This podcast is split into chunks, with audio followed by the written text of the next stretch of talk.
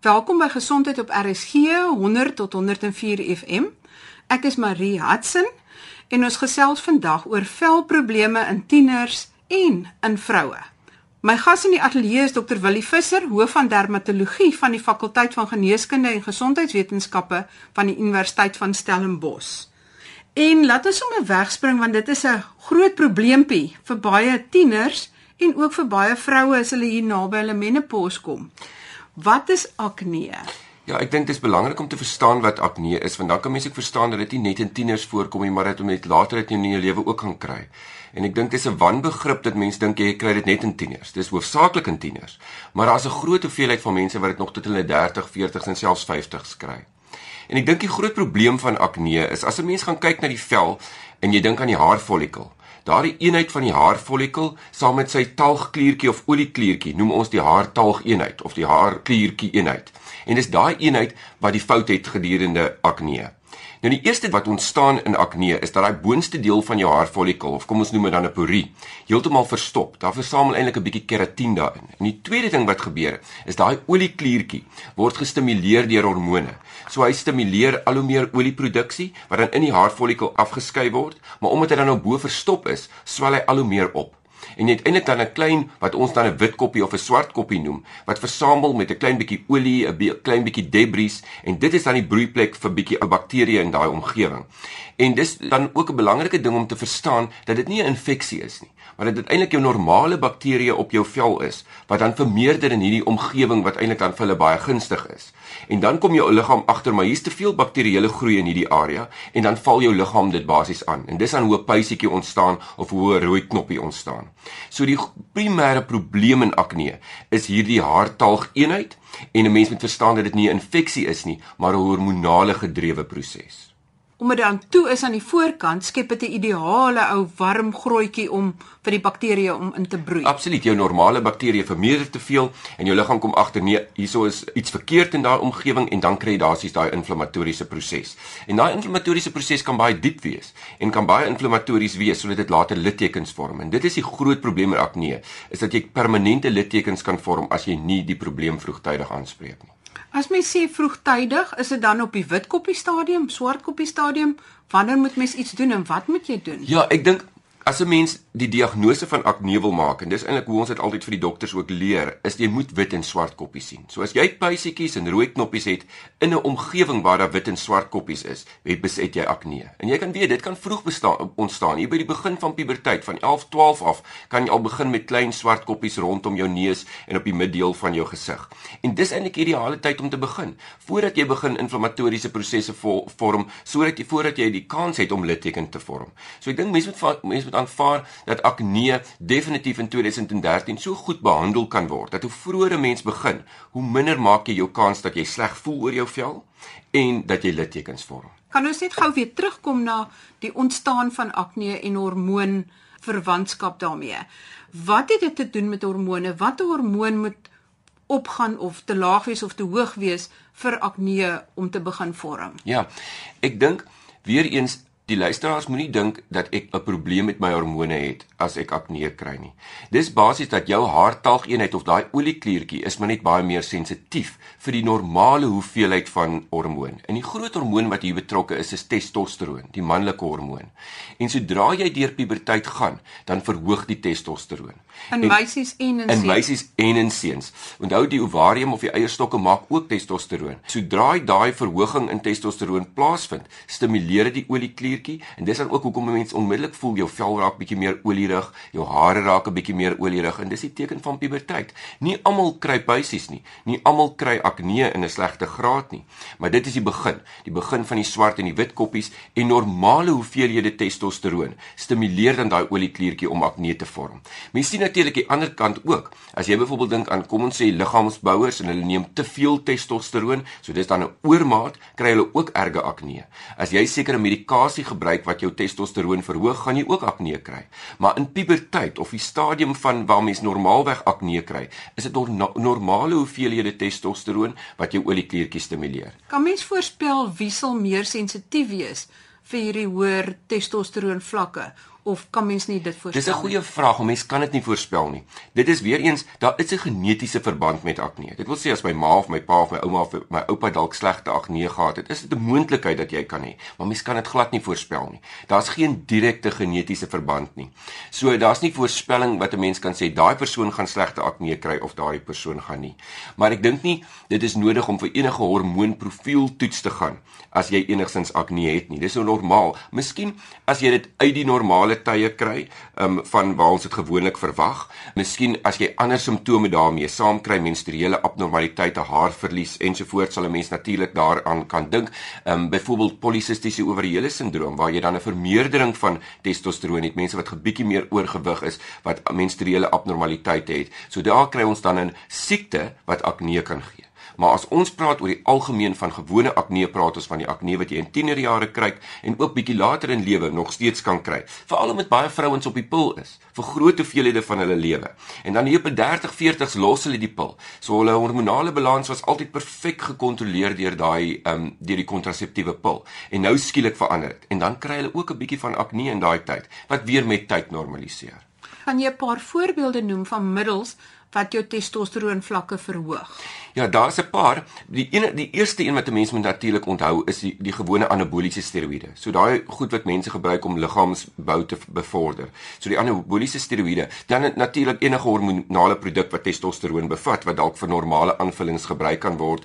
Ehm um, as jou testosteron te laag is, as dit dan bietjie te hoog gaan, kan jy dan weer akne kry. Maar daar's ander middels wat akne gee. Sekere van die ehm um, epileptiese middels, ehm um, lithium byvoorbeeld, mense wat maniese depressie het gebruik baie lithium, ehm um, kan dit gebruik. Groot hoeveel hoeveelhede byvoorbeeld Vitamiene B kompleks in groot hoeveelhede kan akne bevorder. So daar's 'n klomp middels wat akne kan gee. Daar's ook 'n klomp kosmetika wat akne kan gee. As jy enige um olierige produk gebruik vir lang hoeveelhede op jou gesig en dan kan 'n mens basies hierdie follikulêre okklusie wat die begin of die toemaak van hy van hy poree in die begin kan jy dan meganies naboots. So jy kan dan dieselfde idee kry met olierige kosmetika vir 'n lang tyd en 'n mens kan dan ook 'n tipe van kosme um, kosmetiese akne kry.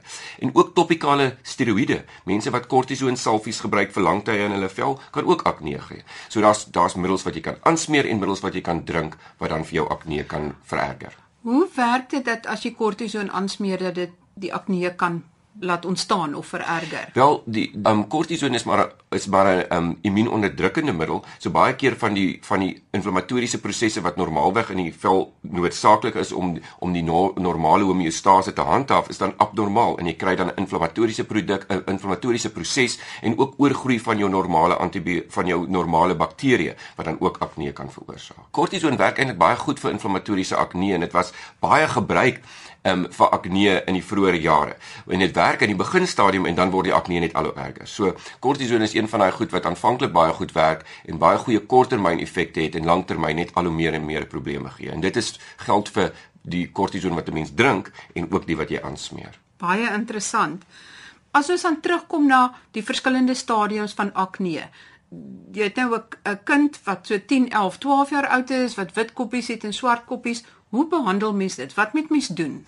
Ek dink die belangrikste ding is as jy dan basies in hierdie beginstadium van akne is, om te besef dat 'n mens nie vreeslike kosmetiese goed daarvoor hoef te doen. Jy hoef nie te gaan vir facials en scrubbings ensovoorts om hierdie proses om te keer nie. Omdat dit 'n hormonale fisiologiese proses is, moet 'n mens basies kyk in watter stadium van die akne dit is en dit dan vir vir daardie stadium behandel.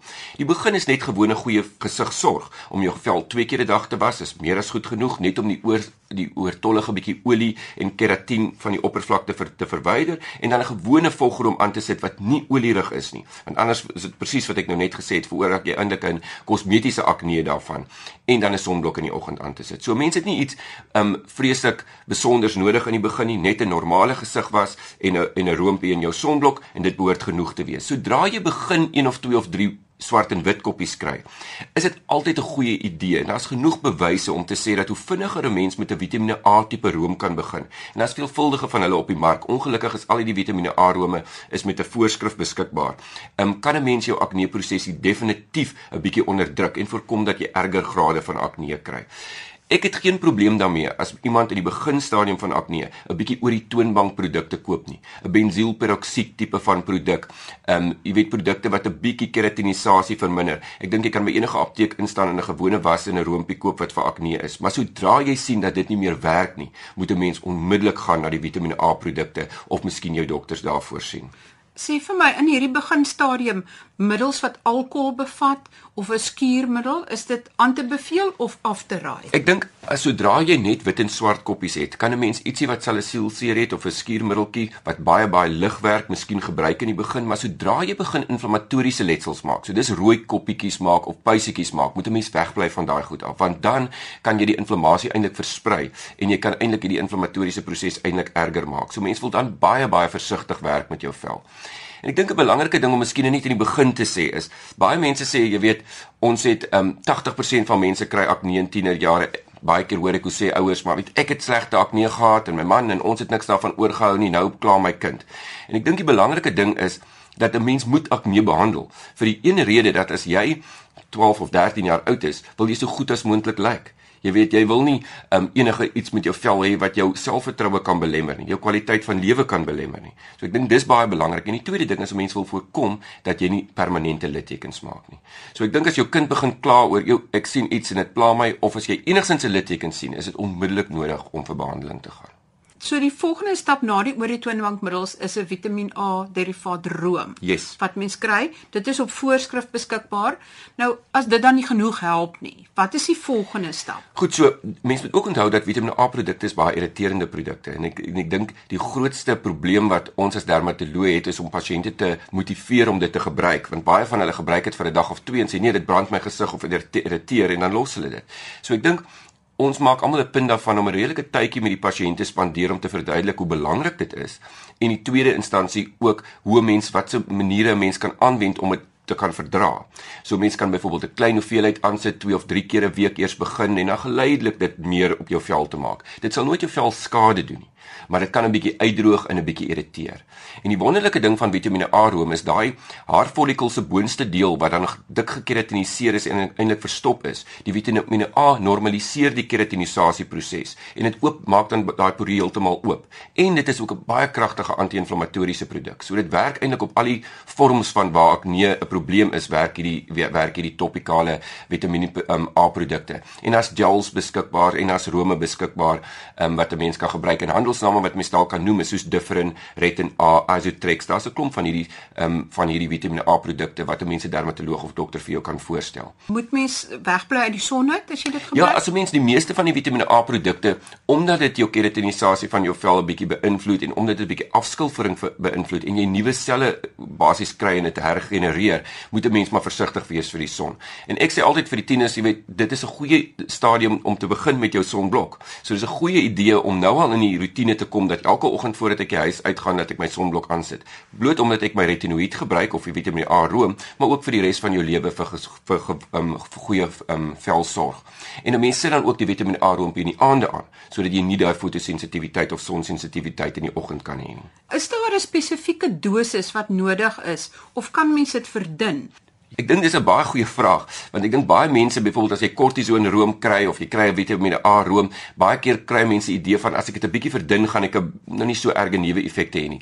Rome word spesifiek in konsentrasies gemaak en 'n mens moet eintlik nooit daaraan op jou eie manier manipuleer nie. Jy weet nooit of die produk nog stabiel is as ek my eie gewone room daarmee meng nie. So die regte konsentrasie is in die buisie. Jy weet dit is stabiel, jy weet dit werk. Sit liewers minder aan. Ons sê omtrent 'n ertjie grootte is omtrent genoeg vir jou hele gesig en 'n mens sit dit ook oor jou hele gesig aan want mens voorkom die wit en swart koppies. So dit werk nie noodwendig teen die letsels wat alreeds daar is nie, maar dit voorkom die voorkoming van nuwe letsels.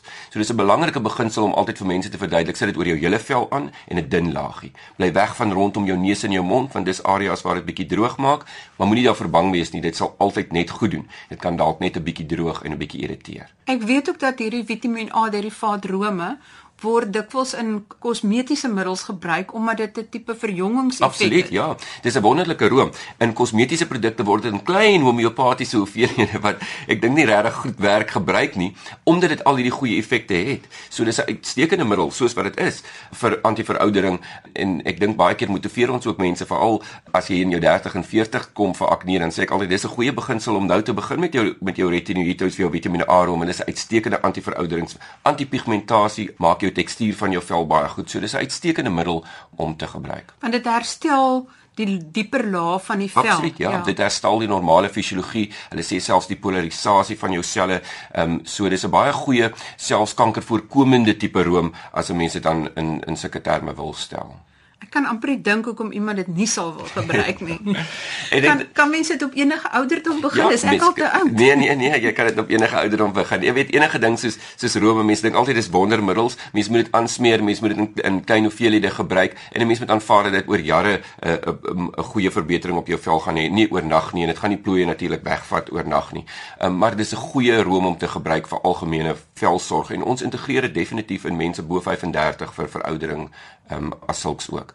As die retinoïed produkte nie meer werk nie of dit is ons eerste lyn van produkte en ons sit dan gewoonlik maar iets soos bensielperoksied by soos wat ons aan die begin gesê het, dan begin ons dink aan medikasie soos byvoorbeeld antibiotika.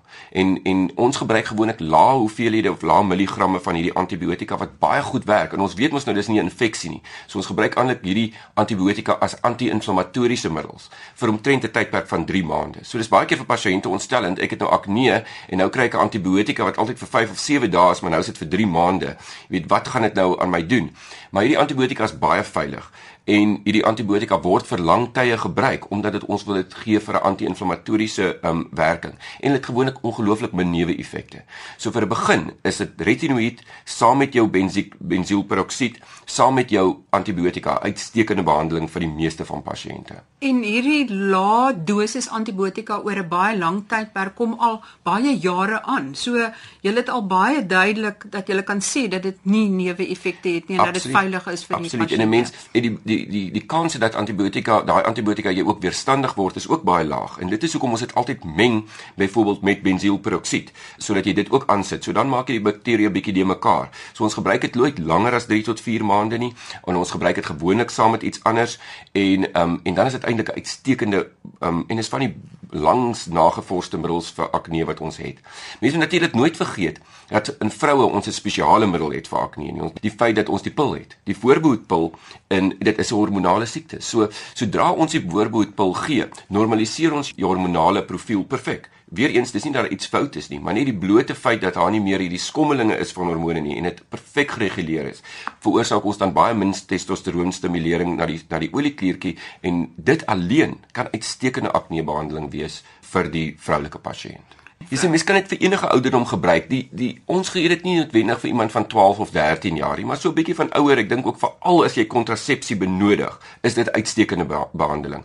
Mense is altyd so 'n bietjie bang vir vir te vroeg begin met met die pil in in jonger meisie vir beengroei ensovoorts, maar ons kan dit in enige stadium begin gebruik. So ons gebruik dan altyd eers ons retinoïde, ons antibiotika en ons voeg dan later die pil by, maar natuurlik in mans kan ons dit nie gebruik nie, maar in die ouer vroue of in die meisie van 16 tot 21 of ouer is die pille uitstekende vorm van kontrasepsie, maar uitstekende behandeling dan vir vir akne. Indien die room nie werk nie of nie voldoende is nie, die tetrasikline het nog nie die ding gedoen nie, is daar nog maniere om dit te behandel? Dan gewoonlik is ons opsies vir die normale behandeling eintlik dan gedaan. Maar dan moet 'n mens baie mooi gaan sit en veral as hierdie pasiënt se lewe lewenskwaliteit daardeur beïnvloed word en veral as daar littekens is, dan moet ons aanbeweeg na kom ons sê die groter kanonne in akne. En dit is dan die middels wat ons praat van isotretinoin wat die kom ons sê sistemiese Vitamiene A behandeling is waaroor daar groot kontroversies is oor die gebruik van um, die handelsname daarvan is goed soos Accutane, Aretine, Acnitine. Daar's verskillende generiese produkte mos nou ook op die op die mark. Maar dit is die enigste medikasie wat akne werklik kan genees. Die ander onderdruk ons akne baie mooi totdat jou normale proses dan die akne gaan gaan verwyder soos wat jy ouer word. Maar isotretinoin is die enigste middel wat ons kan gee wat akne heeltemal kan potensieel genees.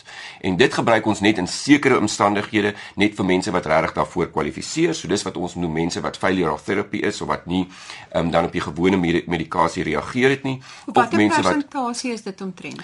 Dis baie moeilik om te sê, dit hang af. Jy weet baie mense is baie bang om isotretinoin gebruik, so ons moet die ander middels optimaal probeer gebruik. Ons herhaal kursusse van antibiotika, ons gebruik dalk ander tipe van antibiotikas. Mense kry ook fisiese vorms van aknebehandeling. Ek weet nie baie mense sou al gehoor het van PDT of fotodinamiese terapie waar ons dan met ligterapie die vel behandel om eintlik hierdie Propionibacterium acne wat die acne wat die bakterie is in akne dan ook kan te kan doodmaak en is ook anti-inflammatories. So dis al fisiese vorms van behandeling. Ehm um, dis dis dan basies net die groepie wat nie reageer op al die konservatiewe behandelings wat dan oorgaan na isotretinoin behandeling. Maar in die praktyk weet word dit in groot word isotretinoin dalk 'n groot veelhede gebruik in die algemene praktyk dalk in mense wat dit nie werklik nodig het nie. So die presentasies van mense wat isotretinoin nodig wat gebruik op die ou end hang baie af van die dokter wat dit voorskryf en sy drempelwaarde vir die gee van isotretinoin. So is jy bekommerd daaroor dat dit dalk te vinnig gebruik word? Ek dink 'n mens moet baie versigtig wees. Dit is 'n dis 'n potensieel gevaarlike middel en ek dink die luisteraars moet nooit dink dat o aarde nou gaan my dokter my op hierdie baie gevaarlike middel sit nie. Ek dink hulle moet verstaan dat dit 'n uitstekende effektiewe middel is en dan die tyd is wat die dokter dit voorskryf, dit dalk die regte tyd is want hy sal dalk aan sy ander opsies oorweeg het. En dan is daar spesifieke maatreëls hoe ons al hierdie nuwe effekte van die middel kan beheer. 'n Mens moet onthou dit kan jou cholesterol verhoog. Dit kan jou lewer funksies sleg affekteer. Daar's selfs 'n kwessie van kan dit dalk depressiwiteit in oor veroorsaak. Daar's 'n mate van kan dit darmkanaal siektes veroorsaak, kan dit dalk beenprobleme veroorsaak. So hierdie middels het 'n groot hoeveelheid probleme en ek dink een van die belangrikste probleme is vir die ongebore kind. As hierdie persoon swanger raak terwyl hulle op isotretinoin is, word die baba geaborteer as gevolg van die groot ontwikkelingsabnormaliteite wat hierdie baba kan ontwikkel. So hierdie middel kom met sy probleme, maar daar's baie baie goeie maniere om al hierdie probleme te te balanseer en te beheer sodat pasiënte veilig deur hierdie behandeling kan gaan. So die boodskap moet wees vir die regte persoon op die regte tyd, maar nie vir almal te vinnig nie. En dit word dan baie goed gemonitor. Word baie goed gemonitor deur jou dokter wat dit voorskryf. Beïnvloed wat ek eet my velprobleme. Ja, dis 'n baie belangrike vraag en ek dink elke ouer vra dit gewoonlik. Um, ons het in in medisyne gaan ons maar baie keer deur sirkels. Jy weet, aanvanklik het ons gesê definitief, jy weet dit maak 'n groot verskil dit wat jy eet. Toe het ons deur 'n groot fase gegaan wat gesê het dit wat jy eet maak glad nie 'n verskil op jou vel nie. Ek dink deesdae is die konsensus besluit dat die eet maak nie 'n groot verskil nie, maar dat 'n mens 'n gesonde dieet moet volg en dat uh, die eet baie hoë in koolhidrate en veral die verfynde koolhidrate soos suikers ensovoorts in witbrood ensovoorts kan 'n probleem veroorsaak. Ek dink nie as jy daai kosse heeltemal uitsluit jy gaan ontslae wees van jou akne nie, maar dit kan definitief veroorsaak dat jou akne 'n bietjie erger is. Hulle sê ook die groot inname van groot hoeveelhede melk kan dalk ook 'n bietjie jou akne beïnvloed. 'n Mens moet ek vat maar alles dit met 'n knippie sout, jy weet.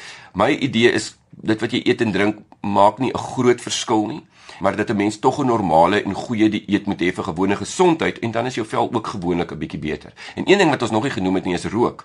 Veral hier in die middeljarige vrouens wat um, um mans ook natuurlik, maar wat rook kry 'n tipiese vorm van wat ons noem rokersakne, wat baie swart en wit koppies het wat baie moeilik is om te beheer. So mens moenie vergeet dat rook ook slegte invloed op jou vel het en dis miskien 'n goeie boodskap vir tieners ook dat um moet asseblief nie begin rook nie want veral die ander neeweffekte en veroudering ensovoorts um veroorsaak rook definitief ook verergering van akne. Ek ek dink die hele boodskap moet wees vir vir akne is daar spesifieke riglyne sodat jy in, in 2013 glad nie 'n slegte vel hoef te hê nie. Dis fantastiese nuus. Sal dit help as ek vir 'n gesigsbehandeling gaan? En kan ek maar 'n pysie druk of nie? Ja, ek dink terwyl jy akne het, moet 'n mens onthou dis 'n inflammatoriese proses. So 'n mens wil nie te veel aan jou gesig manipuleer nie. So enige soos facials en scrubbing en al daai tipe goed moet 'n mens maar eintlik wag totdat 'n mens se akne behandeling eintlik oor is.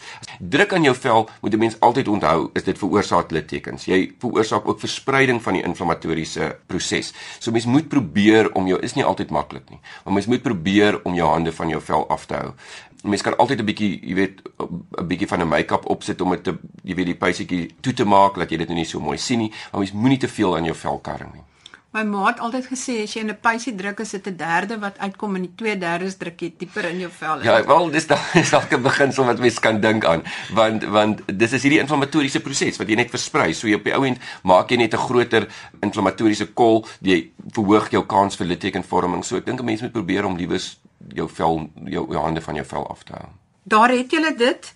Niemand, maar niemand hoef met 'n slegte vel te sit nie. Niemand hoef op sy ou dag soos Richard Burton te lyk nie. Jy kan 'n pragtige vel hê as jy die regte dinge van vroeg af doen. Baie dankie dokter Visser. Dit was 'n plesier. Die gesprek is ook op www.rsg.co.za beskikbaar. Baie dankie tot volgende keer. Totsiens.